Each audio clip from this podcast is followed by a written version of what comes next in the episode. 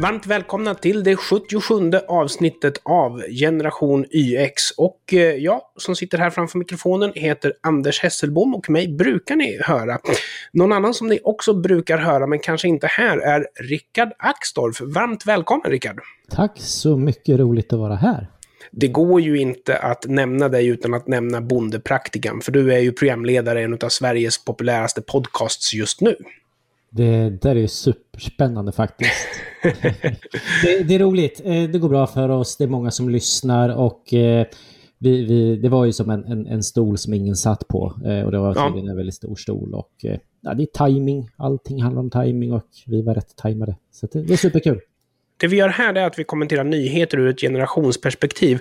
Men du och jag är väl hyfsat lika gamla, är det inte så? Jo, jag är född 1972. Okay, jag är född ja. 1974. Mm, så, så det innebär alltså att ni som är yngre och lyssnar, ni kommer att få en boomers show här. Precis. Den ni lyssnar på alltså två, två män som eh, fick skolskjuts eh, fram tills dess att de lärde sig att cykla. de fick cykla till skolan ja, jag som är uppvuxen i stan, jag fick varken det ena eller det andra kan jag säga. Så det som har hänt under veckan som har passerat, det är att eh, vi har fått reda på att det har forskats på elproduktion. Och eh, jag får väl börja med att säga, ditt, ditt yrke, du är bonde, är det inte så? Lantbrukare. Jo, bland annat. Ja. Eh, just nu så skarvar jag ju då som politisk sekreterare för Moderaterna i Örebro kommun. Men det är inte på mm. fulltid, utan jag är bonde också. Men du, innan vi kommer in på ämnet för dagen så måste jag ju då bara fråga. Därför att i Örebro så är det ju väldigt turbulent i eh, politiken. Och det är ju för att Marcus Allard och Örebropartiet rör ju om där. Och de har ju nästan blivit rikskända på det. Kommer du i kontakt med det? Eh, ja, jo, men det, det gör jag ju naturligtvis. Eh, eftersom det är Örebro kommun och, och sådär. Så att, eh, jo. Är inte han punk? Och du är etablissemang? Kan, nej, det skulle jag nog inte säga faktiskt. Eh, ah, okay. Alltså de, punkrockarna hittar vi ju i, skulle säga dagens punkrockare, hittar vi i, i, i banjohögen. Eh, men, men, men, på landsbygd som säger ifrån, som är vana att kavla upp och liksom eh, har skit under naglarna och inte förväntar sig allt för mycket utan man fixar saker och ting själv. Ah, ja, okay. mm. ja, det är punkare. Punkare som har eh, spenderat sin tid på ett bibliotek läsandes marxistisk litteratur och funderar över hur man ska styra världen. Det är inte så jävla mycket punk om du frågar mig. ja, det är bra. Det vi skulle komma till, nyheten, det är ju då alltså att nu har man forskat på att högre elproduktion i södra, södra Sverige skulle ha gett lägre elpriser i södra Sverige. Och mm. Det här är alltså Sveriges Radio som eh, rapporterar. Och första reaktionen på det är, visste man inte det här innan?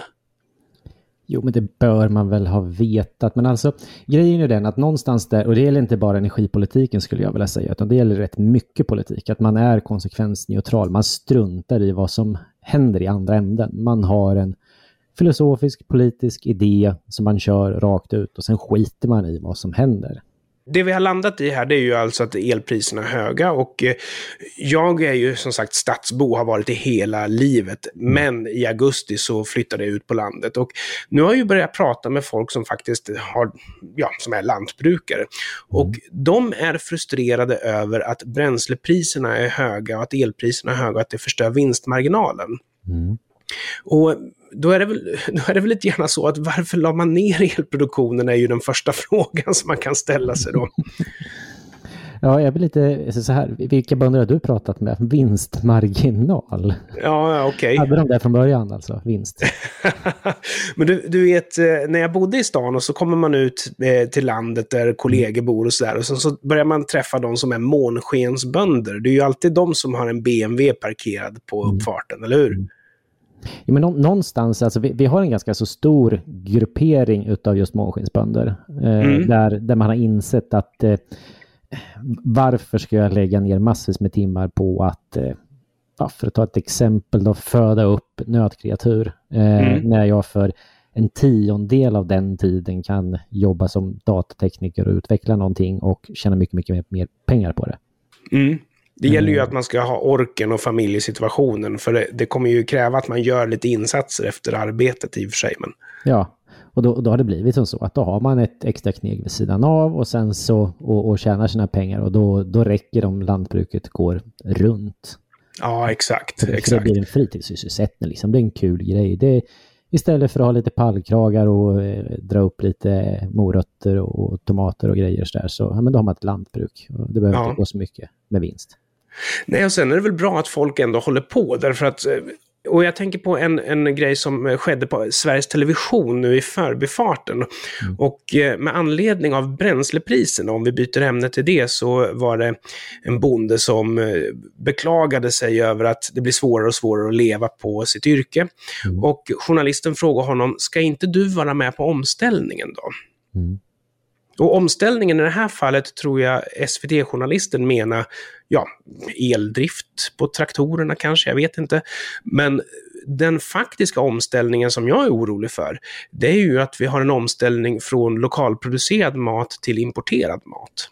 Ja, alltså det, det är ju rätt intressant eftersom man kan säga så här att ungefär hälften av vad vi äter i Sverige producerar mm. vi själva. Eh, och vi är helt självförsörjande om vi alla vore hästar. Ja. ja. Eh, samtidigt i händelse av krig, alltså ja, eller någonting annat, en nödsituation, så vet vi att vi, vi, vi behöver inte äta så mycket som vi gör. Nej. Eh, så att vi, vi, kommer antagligen att klara oss om det liksom blir problem och vi inte får in mat utifrån. Men vi kommer gå runt och vara hungriga och vi kommer ha små kuponger som man får riva av. Och man kommer få stå ja, för att hämta ut sitt bröd och sådär. Så det, vi kommer antagligen att fixa det. Men det bygger väl på att inte den svenska inhemska matproduktionen minskar, för då är vi ju inte på hälften längre, eller? Nej, exakt. Nej, men, och, och, och det, det, minskar. Visst är det så? Men vi kan ju alltid dra upp fisk i och för sig. Mm, jo, det kan vi göra. Alltså, när, när det väl blir nöd så blir människan rätt påhittig. Eh, vi ja. kommer att odla kaniner och, och fixa och dona. Så att vi, det, vi kommer att fixa det. Men det kommer inte... Vi, vi kommer ha en lägre standard. Ja. Ja, och jag tänker på liksom när du pratar om elpriset till exempel. Eh, eftersom jag är bonde så har jag lite koll på elpriset. Och mm. eh, jag band mitt elpris i år i september och jämförde då med ett år innan i september. Och då hade det gått ifrån 38 öre till 63 öre. Eller någonting i okay. Så i stort sett en fördubbling tills i år, eh, i september i år, året innan. Eh, så trenden är ju liksom att det och när jag kommer ta det nästa år i september och, och binda på ett år, då kommer det antagligen återigen vara en fördubbling. Okay. För det, här är liksom, det här är inte system som är så enkla att veva igång när vi väl har stängt ner dem. Nej, och jag tror ju också att eh, skulle man bygga nytt, modernt, när det gäller elproduktion, oavsett om man väljer kärnkraft eller vad man väljer för någonting, mm. så eh, det är som du säger, det tar sin lilla tid. Mm. Och eh, folk pratar ju också om den marknadsmässiga frågan här, men som, som jag ser det så marknaden behöver inte jättemycket ta hänsyn till, därför att det, man kan ju säga att regeringen vill ha ett kärnkraftverk där och där och mm. eh, subventionerar byggandet av det. Mm. Så det behöver ju inte vara marknaden som styr hela tiden, utan det är ju det när vi vill att det ska vara det. Ja, ja men definitivt. Och, och jag men, nu kommer jag inte ihåg vart det var, men någon till Wallenbergarna svarade ju på frågan eh, mm. om, han, om de var beredda att stoppa in pengar för att bygga kärnkraftverk. Och eh, svaret var ju liksom, ja, lång, långsiktiga förutsättningar så är det inte ett problem. Men det måste Nej. vara långsiktigt, måste veta att vi har liksom eh, någon, någon typ av återbäring på pengarna. De här frågorna, alltså när det gäller energiförsörjning, när det gäller bränslepriser, det går ju hand i hand med Miljöpartiet. Och, mm. eh, så jag tänkte att jag kollar lite grann på vad de har gjort för nya utspel. Och det är att de vill uppmuntra svenska föräldrar att placera sina barn i utsatta skolor med få svensktalande elever. Så Miljöpartiet, de har väl tuffat vidare nu från den komplicerade miljöfrågan till den minst lika komplicerade integrationsfrågan. Och eh, du har ju småbarn. Mm. Så jag känner, är det ett lockande prospekt för dig att istället för att sätta ditt barn i den bästa skolan så sätter du den i den mest utsatta skolan så att ditt barn får en chans att på något sätt positiv trickle down-effekt till mindre privilegierade ungar. Men jag skulle säga så här, alltså det, är en sak man säger och en sak vad man gör. Ja. Eh, du kan gärna gå in på de miljöpartisterna och kolla vart de har satt sina ungar. Eh, nej, men precis som vi kan kolla på vänsterpartisterna, liksom att ja, men deras ungar de går i privatskolor. Eh, mm. Det är inte ovanligt. Eh, men för egen del, ja men det är bara att titta på hur vi har agerat. Eh, ungen går i den närmsta skolan. Eh, det är en hel del problem i den skolan. Mm.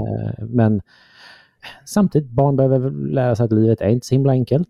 Eh, nu har det i och för sig varit onödigt mycket problem eftersom Örebro kommun lyckades att anställa en eh, eh återfallspedofil till just våran skola. Jag hatar när det händer. Ja, precis. Här. Dessutom så hanterar man själva situationen som ungefär han eh, var ficktjuv. Ja, ja. ja. Men sen så kommer hon ju hamna i en förortsskola eh, där det är liksom, eh, i och för sig, eh, en hel del barn som inte är så privilegierade sen, sen tidigare. Då. Eh, mm. Så att, nej, jag tror inte vi kommer att placera henne i någon skola där hon eh, kommer ha en eh, vuxen handledare. Ett vitt ariskt på något sätt. Jag ska säga för min del så när min äldsta började på dagis då bodde vi i Vivalla. Mm. Men jag ska faktiskt säga, och visst, jag ska erkänna att anledningen till att vi flyttade därifrån var för att det blev stökigt. Vi bodde inte där särskilt länge. Men inte kanske riktigt på det sättet som man kan tro. För det var ju någon gång ibland så var det invandrargäng som röker luven på varandra eller som trakasserar folk och sånt där. Så mm. visst fanns det ett integrationsproblem. Men inte alls som idag. Jag ska säga att den viktigaste faktorn till att vi lämnade Vivalla var att det var mopedåkande ungdomar. Och mm. att de inte råkar vara svenskar, det spelar inte mig en, eh, någon roll alls. Men jag har förstått också att det har kommit en annan konsekvens av det här och det är ju att mina barn, de är färgblinda. De förstod inte konceptet med eh, vita, svarta, invandrare, svenskar och så vidare. Därför att för dem var det bara människor. Mm. Några var vita, några var inte vita. Mm. Och det kan vara en nackdel idag. För jag, jag kan tänka att dels så finns det rasistanklagelser som riktar sig mot dem på grund av att de inte är ödmjuka inför olika hudfärg. Och för andra så är det så att de blir sämre på att bedöma en situation när det är så att de inte tänker på att olika personer med olika bakgrund kan reagera väldigt olika på samma situation. Men jag kan inte tycka att jag har gjort något fel och att jag lät dem växa upp i, i Vivalla, utan jag trodde att det var det här man ville komma åt när man uppmanar folk att söka sig dit, alltså svenskar att söka sig dit. Mm. Så jag, jag blir förvirrad av det här ska jag säga. Alla, ja, alltihopa det här är ju förvirrat skulle jag säga. Men det kan, det kan ju absolut vara så att jag inte är lyhörd och ödmjuk inför hur stort det här problemet är. Mm. Det kan vara en del av mitt privilegium att jag inte ser det, men jag tror att det är nog fler som kommer att göra samma misstag som jag och inte se alla nyanser som kanske efterfrågas här. Jag, jag, du märker att jag fumlar på frågan va? Ja, alltså man utgår ifrån att människor är människor liksom och sen så får ja. man väl värdera dem utifrån vad de gör. Snarare det, de det tycker ju du och jag är den eh, optimala liksom, tillvägagångssättet. Men ja, man skulle önska att fler kanske resonerar så, men då skulle vi förstå dem. De kanske tänker på något annat sätt. Mm. Du, vi ska stanna på miljön därför att eh, förra veckan så visade det sig att vår miljöminister saknar miljötillstånd. Och det här var alltså Annika Strandhäll som, hon var ju på hon var ju i rampljuset för att hon byggde en fin pool och inte betalade räkningarna. Och nu visar det sig att avloppet till den här poolen då, eh, saknar miljötillstånd. Mm. Och eh, hade Jannik varit här nu, då hade han sagt att ah, men sossar har alltid diplomatisk immunitet.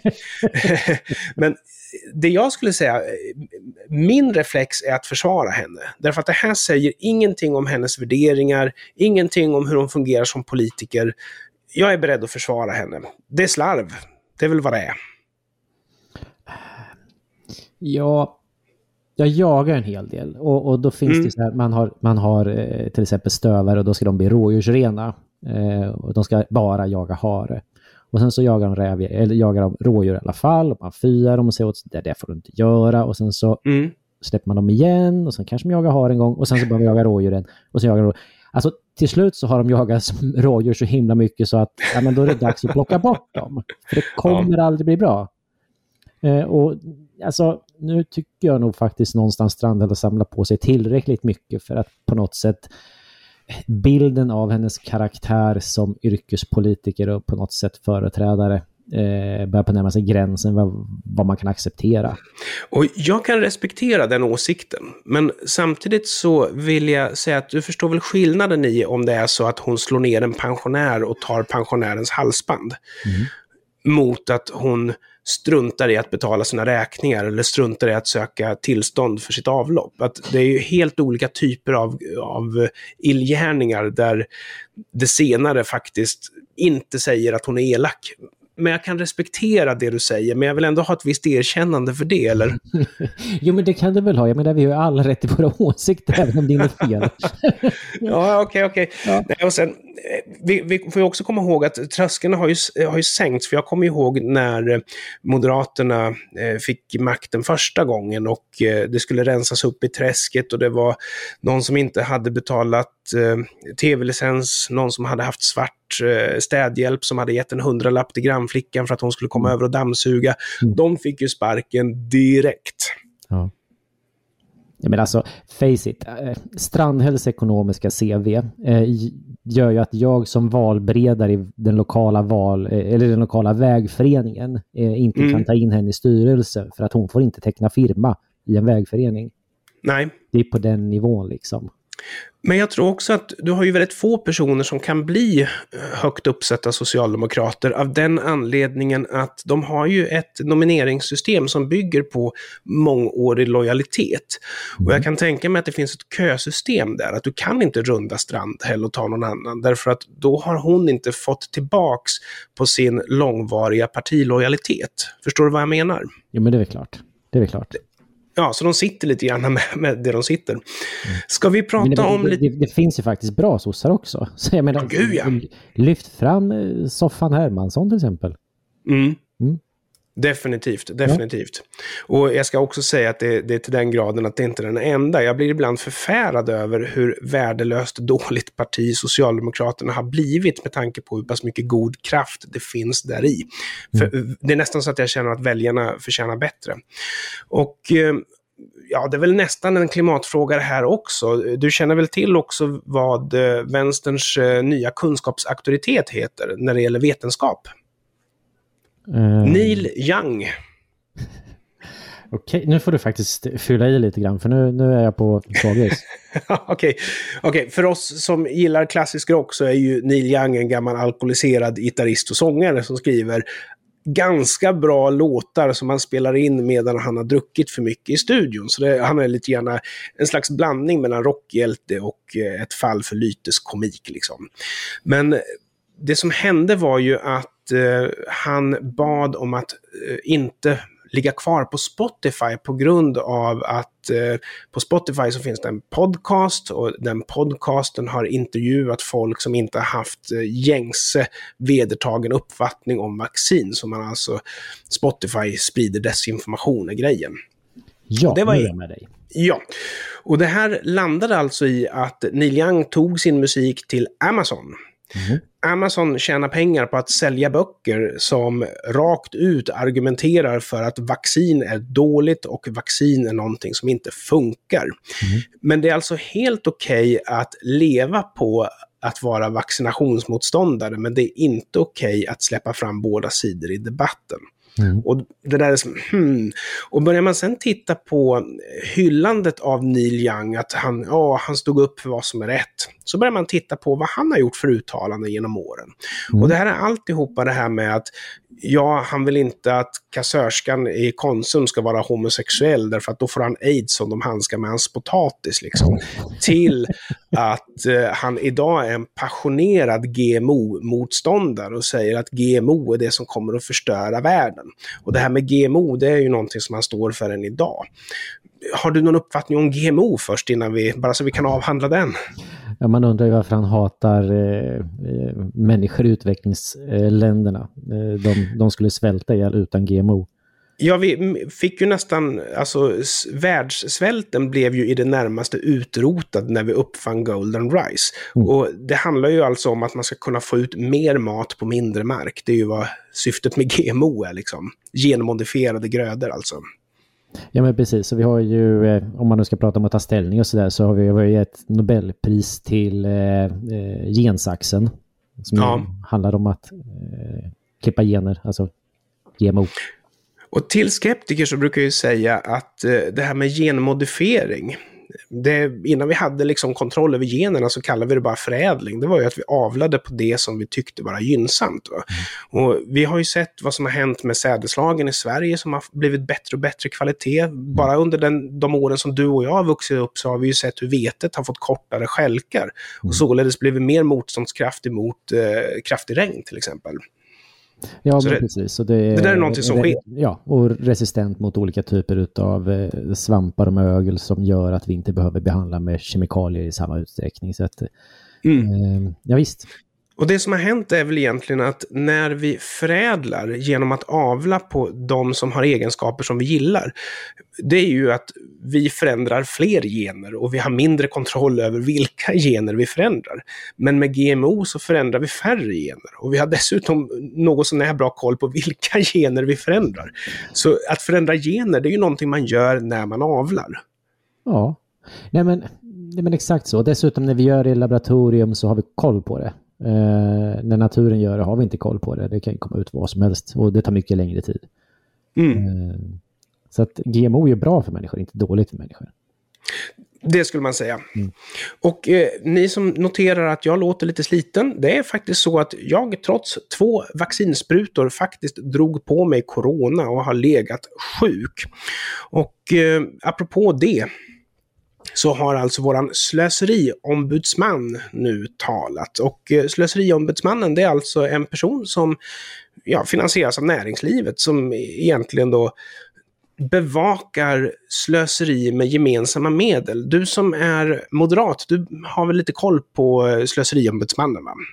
Jo, faktiskt. Jag, jag har, eller är, eh, mer eller mindre bekant med säkert de fem, sex senaste slösorna. Alltså det, Josefin Utas är väl, heter hon som kör nu, inte så? Just det. Eh, jättebra tjej. Eh. Ja, jag känner henne inte alls, men jag följer henne på Twitter och mm. särskilt då i egenskap av just slöseriombudsman. Och det värsta skatteslöseriet år 2021, vet du vad det är? Nej, det vet jag däremot inte. Stort grattis till EUs coronafond. Och det här var ju alltså en fond som man satte upp för att kunna stötta företag som går dåligt på grund av att de förlorar marknader på grund av lockdowns och sådana saker. Mm. Och eh, det här var ju alltså en förhandlingsfråga då om vilka som skulle bidra med vad till den här fonden. Och jag tycker bara en sån sak som att man löser det med bidrag och inte med sänkta skatter, det får mig att, att skruva lite grann på mig. Men Sveriges förhandlingsläge gjorde alltså att vi donerade 150 miljarder kronor av de svenska medborgarnas pengar till den här coronafonden. Och det var alltså pengar som vi lika gärna kunde ha lånat ut om vi hade förhandlat lite grann. Bra värde vinnare eller? Ja men det tycker jag väl. 150 miljarder är väldigt mycket pengar på 30 år. Ja, om, ja, precis. Och om man tittar på vad våra myndigheter kostar, vad sjukskrivningar kostar och sådana saker. Sätter man det i perspektiv, då är det väldigt mycket pengar. Man skulle kunna ha gjort väldigt mycket gott av de medlen. Så det var väl en värdig vinnare. Och med det sagt, har du någonting du eh, vill tillägga innan vi eh, lämnar våra lyssnare för den här gången? Ja, vi kan väl sätta att de där 150 miljarderna då, det är ju alltså hälften av de pengarna som vi ger i stöd till lantbruket varje år. Mm. Eh, alltså 5 miljarder om året. Lantbruket har ju 10 miljarder om året. Eh, så att eh, det kanske hade varit bra om vi ska knyta ihop säcken att det hade landat hos våra bönder så vi kan äta oss mätta och det innebär ju också att vi har en vinst i att faktiskt miljövänligt lokalt lantbruk faktiskt får leverera mat till svenska butiker skulle jag säga. Mm. Och ni som gillar det här, håll koll på hemsidan genyx.se. Där har ni länkar som ni behöver för att kontakta oss, för att kunna lyssna på de senaste avsnitten. Och annars så hörs vi igen om en vecka. Stort tack Rickard för att du ville vara med och stort tack för att ni lyssnade. Tack. Hej då! Hej då!